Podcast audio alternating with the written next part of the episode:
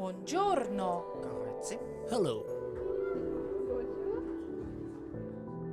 Hoi, leuk dat je weer luistert naar de podcast van Go Europe. Ik ben Malou en ik ben hier met Michael. En vandaag gaan we het hebben over solidariteitsprojecten. Want hoewel deze podcast gaat over mogelijkheden voor jongeren in Europa, zijn dat dus ook mogelijkheden in Nederland. En een van die mogelijkheden is een solidariteitsproject. Michael, wat, wat is dat, een solidariteitsproject?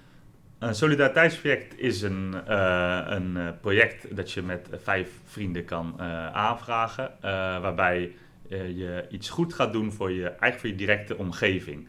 Dus waar je bijvoorbeeld bij Europees vrijwilligerswerk naar het buitenland gaat, ga je hier Mhm. in je eigen omgeving eh, een project opzetten waarmee je iets goed doet voor de rest. En wat is iets goeds doen? Wat valt daaronder bijvoorbeeld?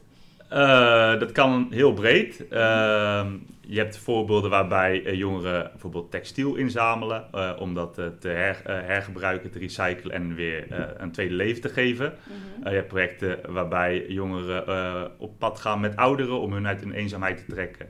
Of waarbij jongeren bijvoorbeeld een stukje bos opkopen en opknappen om dat weer terug te geven aan de natuur. Het is heel breed.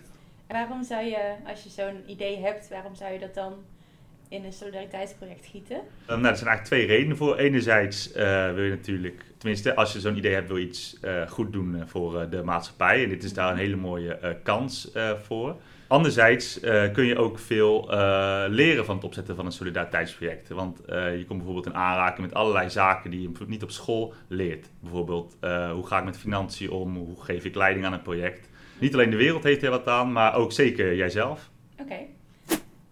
Voor wie zijn die geschikt, solidariteitsprojecten? Nou, solidariteitsprojecten kunnen worden aangevraagd eh, door eh, jongeren tussen de 18 en eh, 30 jaar, eh, die, in een, die in een groep van vijf zijn. Dus je hebt wel wat anderen nodig om een solidariteitsproject aan te vragen, bijvoorbeeld uit je vriendengroep. Maar je kunt ook actief op zoek gaan naar anderen die, waarmee je denkt van met hun wil ik het opzetten. Hoe werkt dat met die subsidie? Ja, dat eh, klinkt eh, vaak eh, lastiger dan, het, dan het is. Er zijn in een jaar zijn er drie aanvraagrondes met deadlines. En voor zo'n deadline dien je eigenlijk een subsidieaanvraag in. Dat bestaat uit een aantal formulieren die je op internet invult. Nou, als je, je subsidieaanvraag wordt goedgekeurd, krijg je een bedrag eh, om jouw project eh, mee uit te voeren. Mhm. Dat eh, kan tot eh, 500 euro eh, per maand zijn. En dan kun je ook kosten opgeven voor bijvoorbeeld de coaching. Dus als je bijvoorbeeld een coach wil inhuren die jou gaat begeleiden bij het project.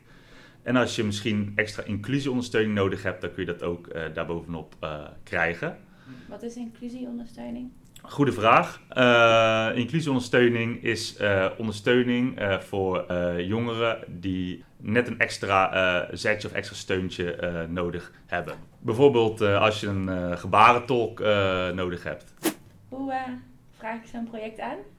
Je vraagt een solidariteitsproject aan via het European Solidarity Corps. Hoe dat precies werkt kun je bijvoorbeeld vinden op de website van Go Europe. Er, is, eh, er is ook iemand eh, die jou kan eh, helpen bij het, ja, bij het maken van, jouw, van jouw projectidee. Als je bijvoorbeeld niet zo goed, als je wel een idee hebt, maar je weet nog niet zo goed hoe je dat wil uitvoeren of gewoon even wil sparren. Er zijn verschillende online informatiebijeenkomsten en worklabs waar je andere jongeren ontmoet die ook ideeën hebben om ja, een directe omgeving te, te verbeteren of gewoon om een leuk project op te zetten.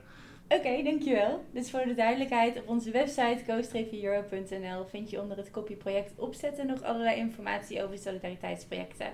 Maar ze hebben ook een Instagram-account, dat is solidariteitsprojecten. Daar eh, vind je ook voorbeelden van ideeën die al zijn uitgevoerd en kun je misschien extra inspiratie opdoen. Tot de volgende keer. Doei!